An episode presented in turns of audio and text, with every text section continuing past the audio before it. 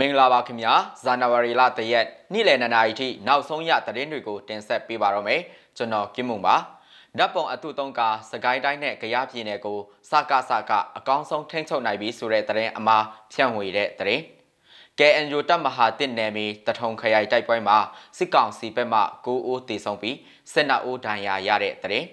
ရေအိုးမြို့နယ်မှာစစ်ကောင်စီတပ်မိုင်းဆွဲခံရပြီးတော့ ၃ဦးပွဲချင်းပြီးတည်ဆုံတဲ့တရင်အပါဝင် PDF တွေကိုစိတ်ကိုတာခွင့်နဲ့ဒုက္ခတဲ့စခန်းမှာပေးမနေဖို့ထိုင်းစစ်တပ်မှညွှန်ကြားဆိုရီမှာတရင်အမားတာဖြစ်တဲ့တရင်အစရှိတဲ့တရင်တွေကိုတင်ဆက်ပေးပါတော့မယ်။ပ ထမဆုံးတရင်အနေနဲ့စကိုင်းတိုင်းဒေသကြီးနဲ့ကရင်နေပြည်နယ်ကိုအကောင်းဆုံးထိန်းချုပ်နိုင်ပြီးဖြစ်ကြောင်းစစ်ကောင်စီဝါရဖြတ်မြေရာတွေဖြစ်တဲ့မြမအတန်မြောက်ဝတီတို့မှာကြီးညာသွားတယ်ဆိုတဲ့လှုပ်ကြံဖန်တီးထားတဲ့ဓာတ်ပုံတစ်ခုလူမှုကွန်ရက်မှာဖြန့်ချိနေသူတွေရှိနေပါတယ်။အဆိုပါလှုပ်ကြံဖန်တီးထားတဲ့ပုံအတုမှာစစ်ကောင်စီတရင်ထုတ်ပြန်ရေးအဖွဲ့ကောင်းဆောင်မူထုတ်ဇော်မင်းထွန်းရဲ့တရင်စာရှင်းလင်းပွဲမှာပုံတစ်ခုကိုအသုံးပြုထားပြီး စကိုင်းတိုင်းနဲ့ကြရပြည်နယ်ကိုအကောင်းဆုံးထိန်းချုပ်ထားနိုင်ခဲ့ပြီလို့ MRTV နဲ့မြောက်ဝတီမှာကြီးညာလို့ရေးသားထားပါတယ်။အဆိုပါသတင်းတို့ကိုလူပေါင်း1000ကျော်ကလိုက်လုပ်ထားတဲ့မြန်မာသတင်းဆောင်ဆိုတဲ့ Facebook page လူပေါင်း2သိန်းကျော်က like ပြုလုပ်ထားတဲ့မြန်မာ Daily News ဆိုတဲ့ page တွေမှာတင်ထားတာကိုတွေ့ရပါတယ်။တရင်မားထဲမှာအသုံးပြုထားတဲ့ဓာတ်ပုံမှာစကားစားရဲ့ပြောရေးဆိုခွင့်ရှိသူမူချုပ်ဇော်မင်းထွန်းက Apple လတွင် ပြုတ်လုထားတဲ့သတင်းစာရှင်းလင်းပွဲမှာပါနေတဲ့ပုံဟောင်းသာဖြစ်ပါတယ်။မီဇီမာကစကိုင်းတိုင်းပလဲမြို့နယ် PDF အဖွဲ့ခေါင်းဆောင်ဘူနဂါကိုဆက်သွယ်မင်းမြန်းရာစကိုင်းနဲ့ကြရထိန်ချုပ်နိုင်တဲ့ရေးတော့ဒီကလူတွေကြတော့ရဲမှာပဲ။ဒါပေမဲ့မသိတဲ့သူတွေကဟုတ်နူးနူးထင်လိမ့်မယ်ဆိုပြီးဒါကိုလွင့်တာပြည်သူလူထုရဲ့စိတ်ဓာတ်ကိုရိုက်ချိုးဖို့မြော်လင့်ချက်နည်းနည်းရိုက်ပါစီဆိုပြီးတော့စိုက်ဝါဖြန့်တာသူတို့ကစကိုင်းကမြို့လေးတစ်ခုကိုတောင်ထိန်းချုပ်နိုင်စွမ်းမရှိဘူးလို့ပြောပါတယ်။ စကိုင်းနဲ့ကရင်ပြည်နယ်ကိုစစ်တပ်ကထိန်းချုပ်နိုင်ပြီဆိုတဲ့သတင်းကိုစစ်ကောင်စီလက်အောက်ခံမီဒီယာတွေဖြစ်တဲ့မြဝတီနဲ့မြန်မာအတန်တို့မှာဒီဇင်ဘာလ28ရက်နေ့မှာကြီးညာချင်းမရှိတာကိုလည်းတွေ့ရပါတယ်။ဒါကြောင့်အခုပြန့်နှံ့နေတဲ့စကိုင်းနဲ့ကြရားကိုစစ်တပ်မှအကောင်းဆုံးထိန်းချုပ်နိုင်ပြီဆိုဒီမှာသတင်းအမှားသာဖြစ်ပါတယ်ခင်ဗျာ။မွန်ပြည်နယ်ကသတင်းနဲ့ဆက်ချင်ပါတယ်။ မွန်ပြည်နယ်တထုံခရိုင်မှာစစ်ကောင်စီတပ်ဖွဲ့ဝင်တွေကိုကရင်အမျိုးသားလွတ်မြောက်ရေးတပ်မတော် KNL ကဒီဇင်ဘာလ29ရက်မှ30ရက်အတွင်းမိုင်း3ကြိမ်ဆွဲတိုက်ခိုက်ခဲ့ရာစစ်ကောင်စီတပ်သား9ဦးတိဆုံးပြီး12ဦးဒဏ်ရာရခဲ့ကြောင်း KNU ကဒီကနေ့မှသတင်းထုတ်ပြန်ပါတယ်။တထုံမြို့နယ်မော်ကလိုကြီးရွာအနီးမှာဒီဇင်ဘာလ29ရက်က ညနေ2နာရီခန့်မှာစစ်ကောင်စီတပ်ဖွဲ့ကို KNL မှမိုင်းဆွဲတိုက်ခိုက်ခဲ့ရာစစ်ကောင်စီဘက်မှ2ဦးတီဆုံးက3ဦးဒဏ်ရာရရှိခဲ့ပြီးဒီဇင်ဘာလ30ရက်နေ့မှာလည်းမင်းလွန်ကြီးနယ်အုပ်စုဝမ်ဘဲအင်းတောင်ချီမှာ KNL မှမိုင်းဆွဲတိုက်ခိုက်ခဲ့ရာစစ်ကောင်စီဘက်မှ4ဦးတီဆုံးပြီး4ဦးဒဏ်ရာရခဲ့တယ်လို့ဆိုပါတယ်။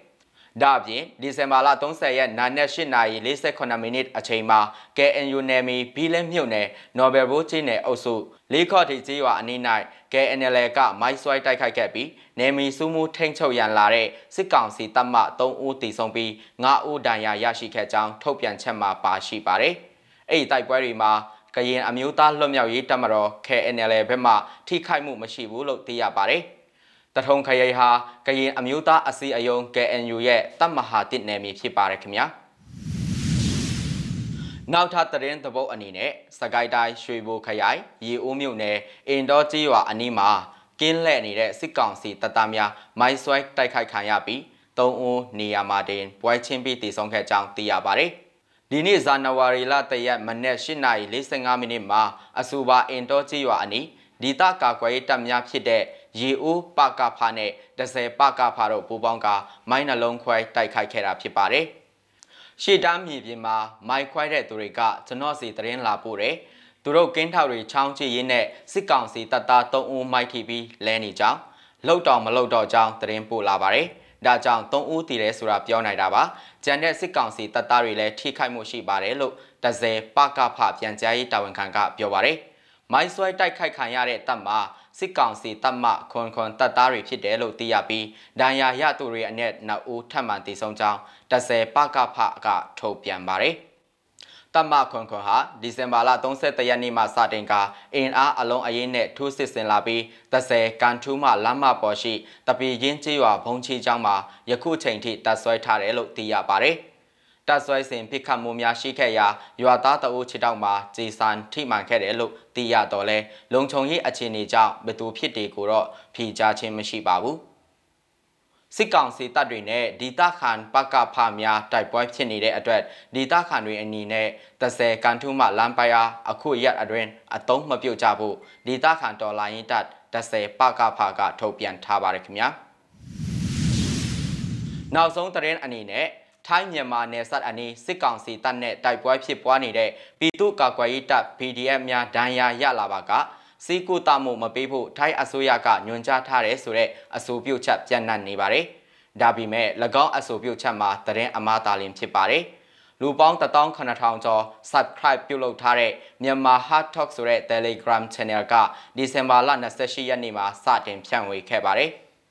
နောက်ဆက်တွဲအနေနဲ့သတင်းဆောင်မြန်မာဆိုတဲ့ Facebook page ကလည်းဖြန့်ခဲ့တာကိုတွေ့ရပါတယ်။ဒီဇင်ဘာလ15ရက်ကစတင်ခဲ့တဲ့၄ကီကော်ရီတာနဲ့အနီးတဝက်စစ်ကောင်စီတပ်နဲ့ကရင်လွတ်မြောက်ရေးတပ် KNL နဲ့ပူးပေါင်းတပ်တို့ရဲ့တိုက်ပွဲကြောင့်ဒေသခံပြည်သူတွေဘေးလွတ်ရာအိမ်နီးချင်းထိုင်းနိုင်ငံဖက်သို့ထွက်ပြေးခိုလုံနေခဲ့ကြရပါတယ်။ကြက်နတ်နေတဲ့သတင်းမားထဲမှာစစ်ဘေးရှောင်သူများအနက် PDF များကိုစေးကိုတာခွင့်နဲ့ဒုက္ခတဲ့စခန်းများမှာနေထိုင်ခွင့်မပြုရန် ထိုင်းအစိုးရမှညွှန်ကြားထားတယ်လို့ဒုက္ခရဲ့စခန်းမှတာဝန်ရှိသူတို့ပြောကြားချက်ကိုကိုးကားပြီးထိုင်းအခြေစိုက်မီဒီယာများမှဖော်ပြလို့ရေးသားထားပါတယ်။မြစီမအနေနဲ့ထိုင်းစစ်ဘေးရှောင်စခန်းတို့ရောက်ရှိနေတဲ့ဒုက္ခရဲ့တအုပ်ကိုမေးမြန်းကြည့်ရာမကြားမိပါဘူး။ဒီနေ့ကြားမိတာဆိုလို့ခိုးဝင်တဲ့မြန်မာတွေကိုဖမ်းမယ်ဒီလောက်ပဲကြားတယ်။ဒီရက်ပိုင်းအဝင်များလို့စောင့်ကြည့်နေကြတယ်လို့ဖြေကြားခဲ့ပါတယ်။ အာနာသိန်းစစ်တပ်ဟာဒီဇင်ဘာလ29ရက်ကစတင်ကဒီဇင်ဘာလ31ရက်အထိထိုးစစ်ဆင်မှုနဲ့အတူလက်နက်ကြီးများအဆက်မပြတ်ပစ်ခတ်နေတာကြောင့်ထွက်ပြေးတိမ်းရှောင်နေကြရတဲ့ဒေသခံအိုးရီပုံမှုတိုးနေကြောင်းကရင်ပြည်နယ်အခြေစိုက် KIC သတင်းဌာနရဲ့ဖော်ပြချက်အရသိရပါတယ်။မြန်မာပြည်သားများအရေးပူးတွဲစောင့်ရှောက်ရေးကော်မတီမှဥက္ကဋ္ဌဦးမိုးကျိုက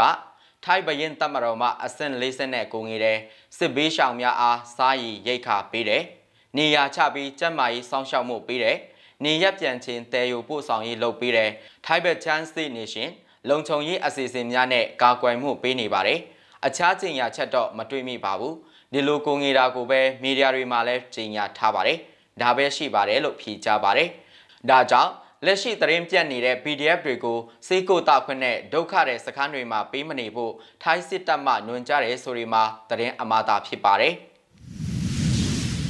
မြစည်းမရဲ့ဇန်နဝါရီလတရက်နေ့လယ်2နာရီထိနောက်ဆုံးရရှိထားတဲ့သတင်းတွေကိုတင်ဆက်ပေးခဲ့တာပါမြန်မာပြည်သူပြည်သားပေါင်းစိတ်ချမ်းသာခြင်းကိုယ်ရေးချမ်းသာခြင်းနဲ့ပြည့်စုံကြပါစေခင်ဗျာ။